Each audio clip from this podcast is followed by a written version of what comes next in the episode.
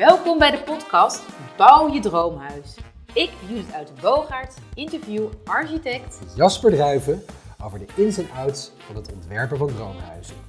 Zodat jij geïnspireerd raakt om je bouwplan naar een nog hoger niveau te brengen. Veel inspiratie gewenst. Aflevering 2 van Bouw je droomhuis. Grip op het proces. Dus vandaag gaan we het over proces hebben. Hoe belangrijk is dat eigenlijk dan? Heel erg belangrijk. Uh, het is uh, vaak een ondergeschoven kindje, omdat proces, dat klinkt niet sexy. Nee. Maar eigenlijk, en dat zal ik je laten zien, is dat gewoon een hele mooie kapstok. Ik vergelijk het wel eens met een, uh, een, een, festival dat je organiseert, waarin allerlei bands gastoptredens kunnen doen. Dus je hebt een Kijk, dat spreekt tot verbeelding. Ja, en, en alle onderdelen komen aan bod. En als je het zo gaat zien, dan zal je zien dat het je gaat helpen in plaats van dat je denkt van, oh, moet ik daar allemaal doorheen? Ja, want stel dat ik, ik heb een idee voor een huis, loop ik al een tijdje mee rond. Ik heb geen idee waar te beginnen. Vertel, hoe, hoe, hoe, uh, ja. gaat dat dan? Nou, dan is het allereerst heel belangrijk dat je weet dat je een architect nodig hebt. Kijk. Vandaar dat we deze podcast ook maken. Voordat er hele verschillende verkeerde beslissingen genomen worden. Ja, zeker. nou ja, uh, en dan gaan we, gaan we snel eens even bij elkaar zitten. Mm -hmm. En dan vertel jij van, goh, wat zou je willen? Nou, bijvoorbeeld die werkkamer waar we het net over hadden. Je wil een uitbouw met de werkkamer. Ja. En dan Al thuiswerken nu? Ja, zo. Nou, en dat is natuurlijk hartstikke mooi. En dan zeg ik, goh, wat leuk. Maar um, hoe gebruiken jullie het huis? En uh, is het nodig om uit te bouwen? En soms blijkt dan wel dat het helemaal niet nodig is om een uh, uitbouw te maken, maar dat je bijvoorbeeld boven nog een kamer over hebt die je veel beter kan gebruiken. En dat op de plek waar je de uitbouw had gedacht, uh, je eigenlijk een hele mooie pui kan maken door, uh, en daarmee de relatie met je tuin veel beter maakt. Kijk eens. Dus uh, door samen even gewoon te gaan zitten en wat breder te kijken dan alleen je vraag. En, en vaak is er dan ook al een oplossing in een gedachte. Van, ja, want van, je hebt in je hoofd, ik wil die ja. werkkamer, punt. Ja. Ja. En, Jij gaat eigenlijk naar de vraag achter de vraag. Ja, dat. Ja, en hey. dat is het leuke, dat is ook wat ik heel graag wil. Uh, dat je ja, in, in een connectie met de opdrachtgever, dus dat je samen uh, ja, voelt waar je naartoe wil, dat is heel belangrijk om ja, tot de kern te komen. Maar dat is eigenlijk nog een heel vrijblijvende afspraak in het begin. Ja, dat is echt aftasten, even kijken van, goh, hoe kan ik je het beste helpen? En vervolgens gaat dat ja, wel concreter worden. Want dan, dan komt er een bestemmingsplancheck. Dat is heel belangrijk. Dat want je, waarom moet je dat doen?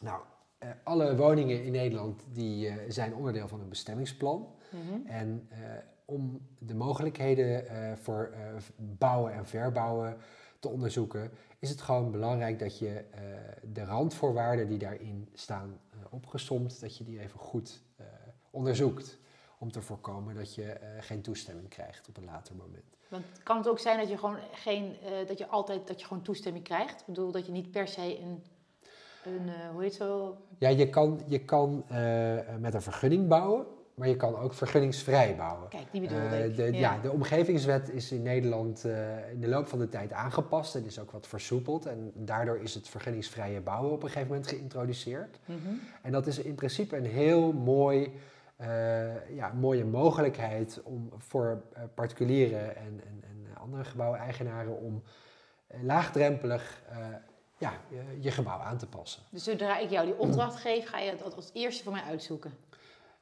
Ja, belangrijk van oké, wat kan er, wat mag er? Zit ik in een beschermd dorpsgezicht of stadsgezicht? wat voor ruimte biedt het bestemmingsplan? Mag ik nog uitbouwen? Uh, wat voor hoogte, groothoogte, bouwhoogte? Moet er een kap op? Mag het plat? Geven openingen? Is er nog een bepaalde architectuur nodig? dat krijg je allemaal mee, randvoorwaarden. Dus je kunt wel in je hoofd hebben, ik wil een mooi werkkamer met een puntdak, maar als het niet mag. Dan, nee. Nee, dan, dan kun je daar eigenlijk al stoppen met dromen. Dan is het, nou nee, dan is het uh, belangrijk om de droom uh, af te buigen naar een richting die wel kan natuurlijk. Kijk, dat zit... En vaak is in het bestemmingsplan, dat is het meest bepalend en het strengste, om het maar zo te noemen. En het vergunningsvrije bouwen biedt daarnaast een groot aantal mogelijkheden waarbij je toch tot iets zou kunnen komen. Nou, ik heb hier het, het, het handboek uh, vergunningsvrije bouwen. Zo, dat is een dikke pil. Dat is een behoorlijk juridisch uh, stuk. Eh, er is ook, eh, ja, het, het- het kost ook behoorlijk wat, eh, wat tijd en, eh, en onderzoek voor je daar goed je weg in hebt gevonden.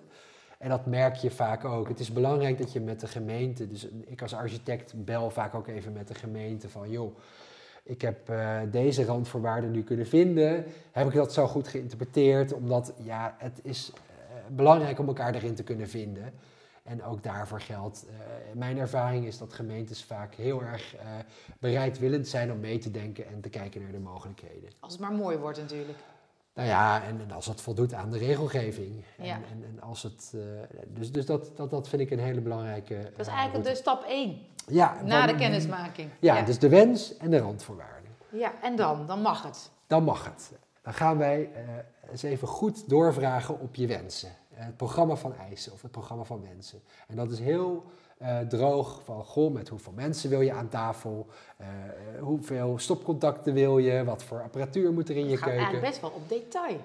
Ja, en dat is nodig omdat je daarmee aan de ene kant eh word jij als, als opdrachtgever eh, aan het denken gezet. Mhm. Ook, daar zitten namelijk ook vragen bij waar je nog niet over nagedacht had. Zoals bijvoorbeeld die stopcontacten dan. Ja, of bijvoorbeeld eh, mensen aan tafel. Of wil je buiten ook een eettafel voor acht personen, weet je wel? Oh ja, dat- ja.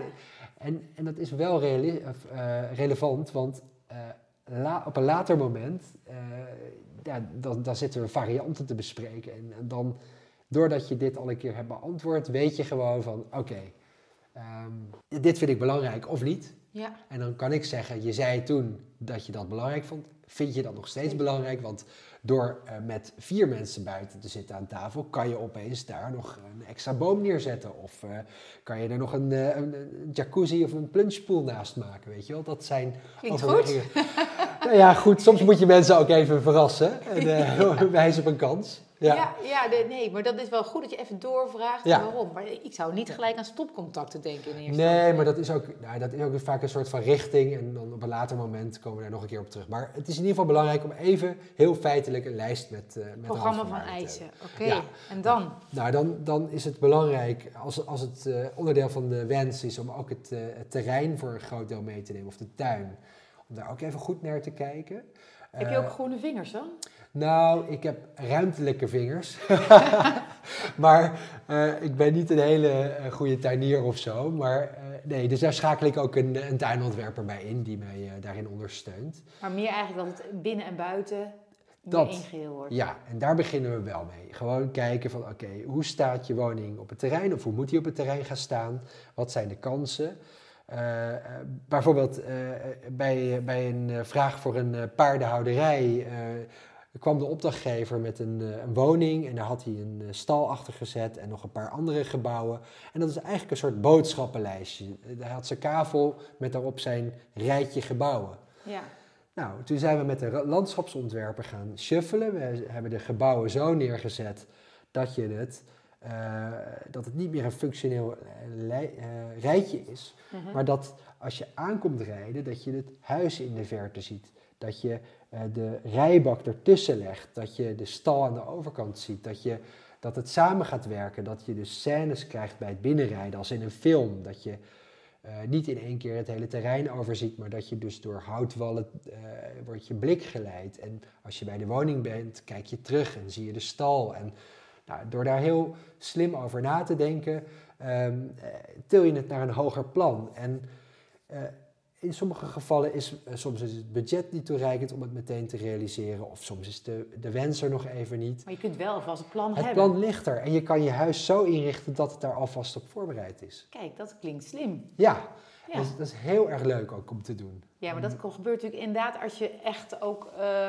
een heel nieuw iets bouwt. Op een, Ja, of is het, het- ook gewoon eh nee, het gebeurt even ook- bouwen? Ja, ook bijvoorbeeld in Amsterdam hebben we een, een woning verbouwd. En die, die sluit dan aan met een, eh, met een eetkamer op de tuin, met een keuken op de tuin en nog met een wellness eh, stuk op de tuin. Maar daar kan je ook eh, op voortborduren. Daar hebben we gezegd, oké, bij die eh, eetkamer maken we een mooie zitkuil en een terras waar je goed kan zitten. En bij die wellness maken we een mooie Japanse tuin met een dompelbad erin en een dek waar je kan liggen. lekker. Ja, nou ja. En, en bij die keuken maken we wat meer een zichttuin met een speelveldje waar je lekker kan voetballen. En door dus binnen en buiten in elkaar door te ontwerpen, is de- die woning met tuin in zijn geheel eh, veel mooiere beleving geworden. Nou, dat- als ik het zo hoor, dan kan ik me iets meer voorstellen. Ja, dus, dus nou ja, goed, Ja. dat is dus het, het idee dat je op een vroeg moment eh, het- het terrein het, eh, ook even meeneemt. En dan maken we daarmee ook het voorlopige ontwerp. Het voorlopige ontwerp is eigenlijk een eerste ruimtelijke vertaling van je wensen. Mhm. Eh, dus dan gaan we in vlekken, in, in ru- ruimte-relatieschema's van goh, waar zit de keuken, waar zit de eetkamer, eh, hoe moet dat aan de tuin, hoe moeten ze zich tot elkaar verhouden, hoe groot moeten ze zijn. Dat is een eerste, een eerste aanzet. Is het dan ook al in 3D? Dat ik het als leek eigenlijk ook snap? Ja, ik laat dat ook in me- 3D meegroeien, eh, wel schetsmatig, dus je gaat ook daarvan grof naar fijn. Mhm. Het is nog niet fotorealistisch, maar dan heb je wel in de schetslijnen, zie je van, oh ja, wauw, die ruimtes die gaan op die manier samenwerken. En vaak, dat is het leuke dat we in deze tijd leven, eh, kan je ook een klein filmpje laten zien. Dat je even zo door die ruimte kijkt. En Kijk, dan de- gaat het pas echt leeg. ja, en dat is heel erg leuk, Ja. want dan merk je dat ook vaak de opdrachtgever in een soort stroomversnelling terechtkomt. Van, oh ja, wauw. En dan, dan moet ik als architect ook bijschakelen, want dan... eh, Gaat het weer heel willen. Ja. Het eigenlijk morgen al ja, hebben. precies. Ja, Maar dat is het leuke, dat je elkaar kan opstuwen. maar dat al in deze fase al. Ja, want Ja. ik denk dat het belangrijk is om, eh, ja, om die opdrachtgever ook onderdeel van het ontwerpteam te maken. Dus ook snel eh, te triggeren om eh, ja, mee te beleven en mee te gaan denken op alle fronten. Je hebt ooit gezegd, meen ik me te herinneren, dat dit ook een soort gezelschapsspel is, het hele proces. Ja, ja dat is het ook echt. Eh, ik had het net al even over de gemeente die, die, die zich heel positief kan opstellen. Eh, nou, je hebt het, de opdrachtgever is daar een schakel in, de architect zeker ook. Maar eh, verderop in het proces, bijvoorbeeld ook de aannemer en, de onderaannemers. Iedereen heeft zijn, zijn stuk in dit hele traject. En op het moment dat die aannemer bijvoorbeeld aan het bouwen is, dan is het ook echt zijn project. Eh, als de metselaar met, met de kolommen bezig is, is dat zijn stuk. Ja. En het mooie is, eh, dan loop ik daar als architect en dan vind ik daar ook wat van. En ja, dan ben ik ook gewoon enthousiast. En dan zie je dat, dat zo'n man ook heel trots is op het stuk dat hij voor zijn rekening heeft genomen. ja, en jij weer, dat jouw tekening eigenlijk, jouw idee, daar gewoon Ja. werkelijkheid wordt. Maar dat is dus ook een soort van mindset, dat je niet een ego hebt dat je alles bepaalt, maar dat je een open houding hebt en dat je iedereen het podium geeft. Vandaar ook dat festival, eh die festivalmetafoor. Oh ja, ja. Iedereen krijgt zijn moment. En dat is de metselaar, dat is de opdrachtgever, dat is de lichtontwerper, de tuinontwerper. En ik ben dan, ik voel me soms, ja goed, ik, ik speel ook wel een stukje.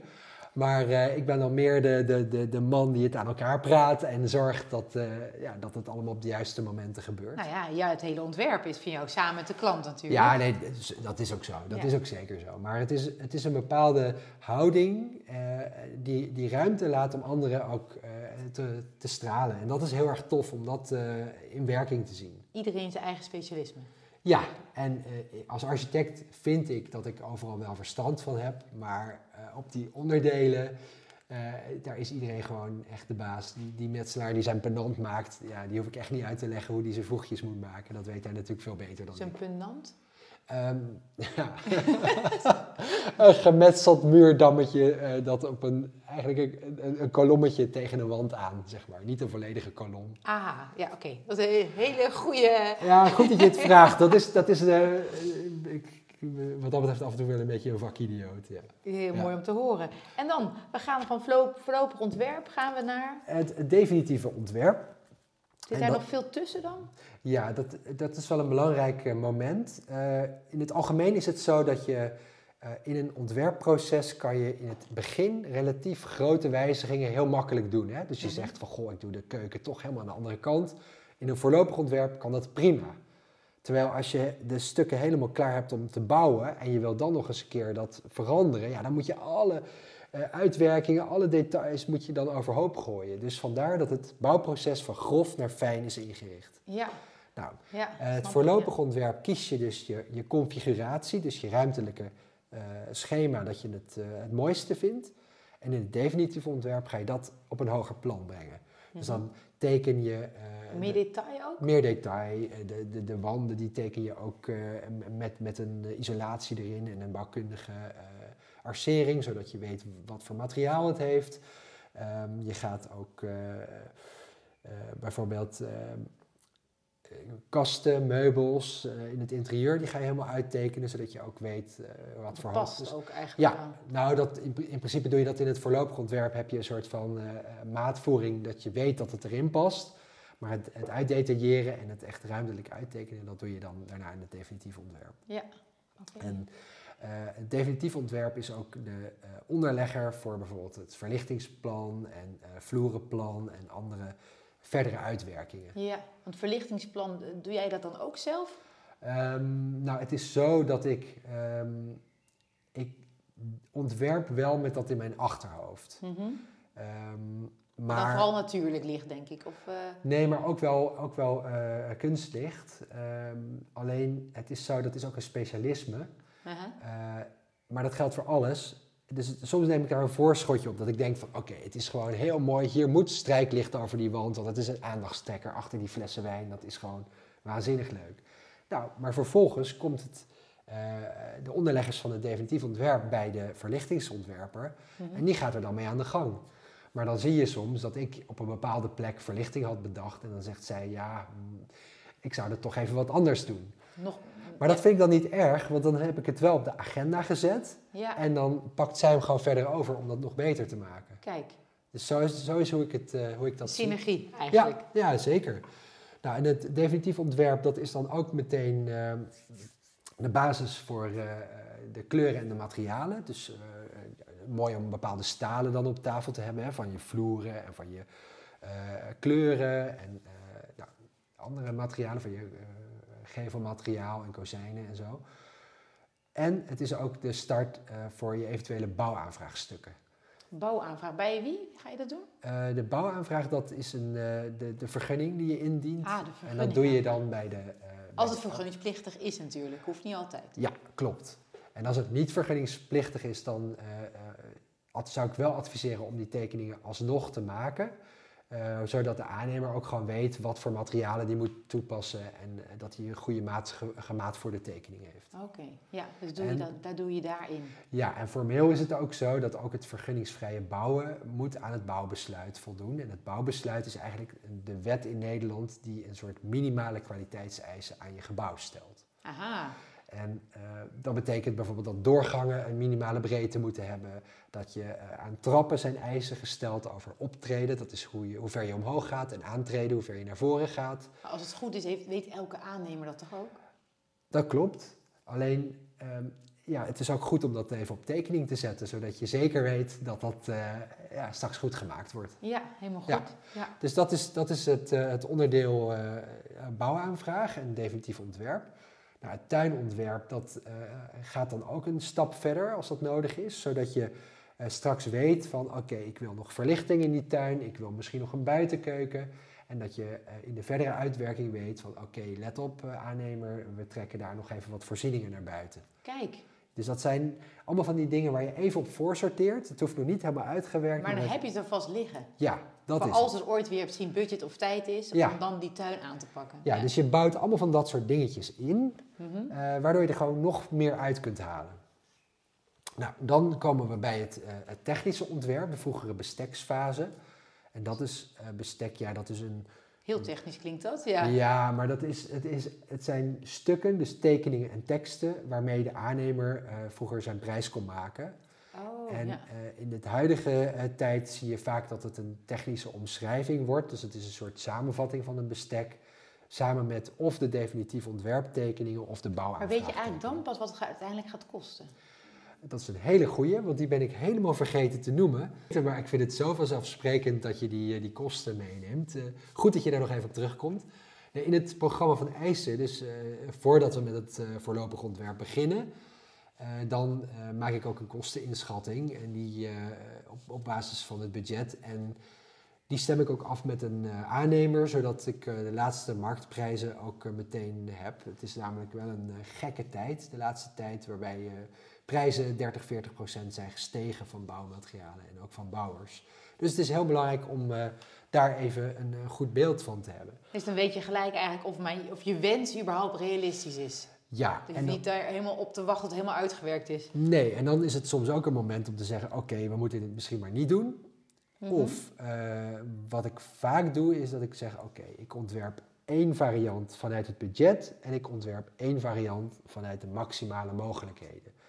Eh, Dan dat, kom je waarschijnlijk een beetje tussenin uit. ja, nou, vaak is het zo dat een opdrachtgever dan toch nog iets met zijn budget zou kunnen doen, of eh, dat die droomvariant eh, bepaalde elementen in zich heeft die je kunt adopteren in het eh, budgetvariant. Dus Kijk. dat is een eh, mooie methode om daar eh, mee te spelen. Ja.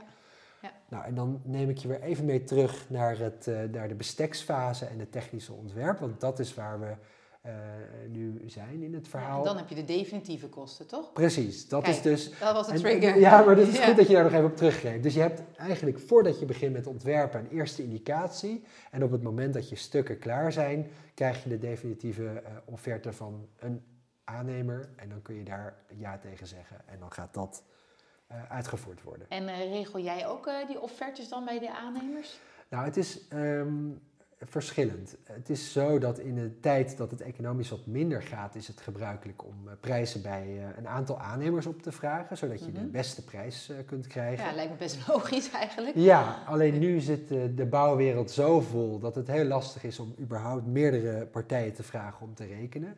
Oh ja. En eh, wat Rekenen kost natuurlijk ook tijd. ja, niet te onderschatten. En daar krijg je dan niet voor betaald als aannemer. Dus dat kan ik me ook nog wel voorstellen. En wat we nu vaak doen is dat we een aantal goede aannemers hebben waar we graag mee werken en die goede kwaliteit leveren. En dan vragen we eh één daarvan om in een zogenaamde bouwteamconstructie mee te doen. Mhm, En dat betekent dat je eh, open kaart speelt. Dus dat je eh, eigenlijk in een vroeg, vroegere ontwerpstadium de aannemer aanhaakt en laat meekijken. En ook met die kosteninschatting van, goh, we koersen op dit budget af. Eh, kan, je even, kan je even meerekenen?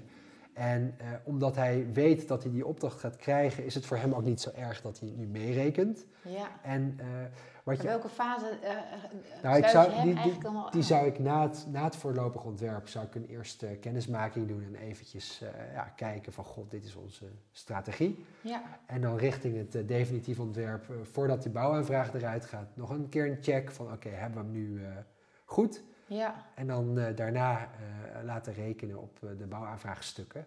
En dan krijg je dus een, een prijs. En het voordeel van zo'n bouwteam is ook dat je in de uitvoering, als er verrassingen zijn, dan is het ook makkelijker om daar elkaar weer in te vinden. Terwijl als je bij een aanbesteding, dus als je verschillende aannemers had gevraagd, Ja. dan probeer je de zo laag mogelijke prijs en dan probeer je die partij daaraan te houden.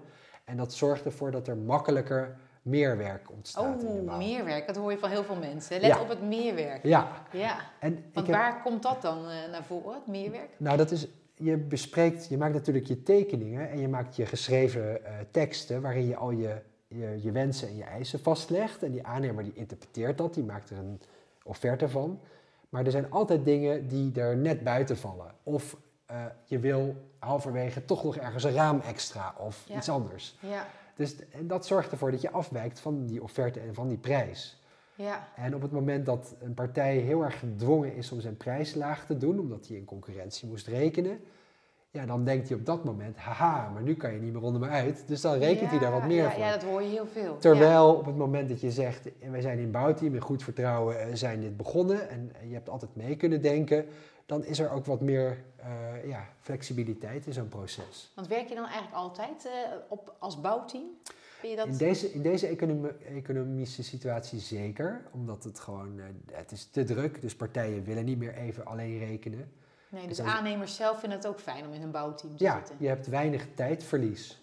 Alleen het is wel belangrijk dat je een goede partij hebt, want ja, je gaat daar dus op goed vertrouwen ga je daarmee in zee. Ja. Nu heb ik uit mijn verleden nu een aantal goede partijen die ik, eh, waar ik wel voor insta, dus Mhm. die kan ik dan eh, suggereren. ja, en die kennen jou ook. Ja, maar ik vraag vaak een opdrachtgever ook om, eh, als, als iemand uit zijn eigen netwerk eh, iemand kent, ook vooral om eens te kijken of dat een optie zou kunnen zijn. Oké, ja. Om gewoon alle, eh, om het zo objectief mogelijk te houden. Dat is, dat is prettig. ja. Ik heb, leuk om te vertellen, ook een overtreffende trap nog laatst eh, ehm, gedaan. En dat is dat je op regiebasis met een aannemer gaat werken. Mhm. Dus dan spreek je niet meer een, een vaste prijs af van tevoren, maar een richtbedrag. Ja. En dan ga je elke twee weken ga je de kosten en de uren eh, worden afgerekend. Alsof en dan, het een project is, zeg maar, intern bij een bedrijf. Ja, en, Ja. en het werkt fantastisch. Die opdrachtgever is van, heel erg tevreden. De aannemer die, eh, die kan gewoon eh, zijn werkzaamheden goed declareren. Dus dat is een win-win. En wie, en wie houdt dan de regie? Want het is een regieopdracht, zeg je? Maar... Ja, nou in dit geval is er wel een hele nauwe samenwerking tussen de opdrachtgever, die is er elke dag op de bouw, en de aannemer, die heeft gewoon een goede eh, eh, voorman die al die uren goed bijhoudt. Oké. En door die snelle wisselwerking kan dit ook heel goed. Ja, ja, ja, ja, precies. Ja, dus het hangt ook een beetje van het type opdracht en het type eh, opdrachtgever af voor hoe je dat kan doen. Ja. Nou, en dan. ehm, Maar jouw rol, jij hebt dan eigenlijk daarin geen rol meer als ik architect. probeer, ik probeer als architect probeer ik niet te veel in die uitvoering te zitten.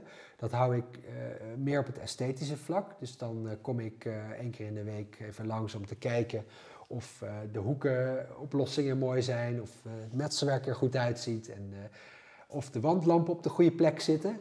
Ja. Even kijken of ze, of ze wel ge- hebben gebouwd volgens jouw tekening eigenlijk. Ja, maar ook gewoon even algemeen met de wijde blik van zie ik nog dingen, gaat het allemaal zo goed mogelijk. Nou, op zich is dat een heel fijn gevoel natuurlijk. Ja, dus dat is ook absoluut een meerwaarde. Maar ik persoonlijk vind het niet prettig om alle verslagen en alle eh, dingen tot in detail eh, te doen. Daar heb je ook bouwbegeleiders die dat aanbieden, die zou je daar ook voor kunnen inschakelen. Hm. Maar als je een goede aannemer hebt en een opdrachtgever die ook eh, gewoon gezond is. verstand heeft en actief is, dan kun je vaak met die combinatie ook al heel ver komen. Oké. En dan zijn we dus bij het einde van het proces. Eh, ja, dan zijn we bij eh, nou ja, de oplevering. Ehm, Kijk, dat is, dat is feest natuurlijk. ja, zeker. Daar doe je het voor. Ja. Ja, zeker. Dat is, dat is altijd een, eh, een mooi moment. En dan krijg je dat het, de inrichting plaatsvindt en dat je ja, echt gaat zien hoe het gaat worden. En dan werk ik ook samen met een aantal stylisten die dat heel erg goed kunnen. Ehm, en die komen dan en die leggen dan nog even een mooi kleed neer of zetten een bank neer of die zetten nog wat vazen mooi. En ja, dan wordt het echt een plaatje. Kijk. En dan eh, maken we vaak ook nog even wat mooie foto's voor zowel de opdrachtgever als voor onszelf. Want het is gewoon heel mooi om eh, te vieren dat je dit eh, resultaat berei- bereikt hebt. En eh, die mooie foto's, die zijn we binnenkort ook allemaal te zien op jouw Instagram, denk ik. Zeker. Ja, ik, ben, ik heb nu ook nog een groot aantal voor- en tijdens foto's en de na-foto's. Dus de resultaatfoto's die gaan nu komen. Dus daar wordt aan gewerkt. Ja, Kijk. dat is ongoing, hè? QMT, toch? Was het? Ja, ja, ja. QMT Design. Dat is waar je op moet kijken. Met hoofdletter Q. En een M en een T. Oké. Oké, dus het huis opgeleverd, de foto's zijn gemaakt. En dan is het eigenlijk helemaal klaar. Ja, dat zou je misschien denken, maar dan komt eigenlijk het allerbelangrijkste. Dan ga ik heel graag nog een keertje langs bij de opdrachtgever en dan gaan we samen even zitten. Net zoals ons eerste gesprek een aantal jaar geleden. Van ho- hoe, eh, hoe is het nu gegaan? We hebben samen een heel traject doorlopen. Is het geworden wat je wilde? En wat ging er goed? Wat kon er beter? En eh, samen nog eventjes afsluiten wat we allemaal hebben doorlopen. En mijn ervaring is dat mensen dat heel fijn vinden. eh, dat, het, eh, ja, dat je even viert, dat je het even afsluit. En dat het nu echt hun plek is. En dan is het aan hun om daar lekker te gaan leven en een betekenisvolle plek voor ze van te gaan maken. En daar doe je het uiteindelijk allemaal voor. Ja, zeker weten. Dat is dus waar ik ook mijn eigen architectenbureau ben begonnen. Dus met de mensen en ook eh, voor de mensen. Dat zij gewoon lekker kunnen gaan leven. Dat is echt het mooiste dat er is. Als je dat mag faciliteren. Nou, dat klinkt als een mooie afsluiting van deze tweede podcast. Hartelijk bedankt. Oké, heel, veel heel graag gedaan. Superleuk dat je hebt geluisterd naar deze aflevering. Vond ik ook. En we vinden het nog leuker als je gewoon in je podcast-app even 5 sterren achterlaat. Nee, meer. Zeven of eh, tien of zo. Nee joh, dat kan niet. Maar we vinden het wel leuk als je het gewoon doorstuurt naar iemand die behoefte heeft aan wat inspiratie, die bezig is met verbouwing of het bouwen van zijn droomhuis. Ja, en die een goede architect eh, nodig heeft natuurlijk. Kijk, Ja, en mocht je het eh, leuk vinden om met mij een keer een kopje koffie te drinken, dan kun je mij een e-mailtje sturen op jasper.qmtdesign.com of kijk even op de website www.qmtdesign.com. nou tot de volgende aflevering. Tot ziens! Dag. Doei!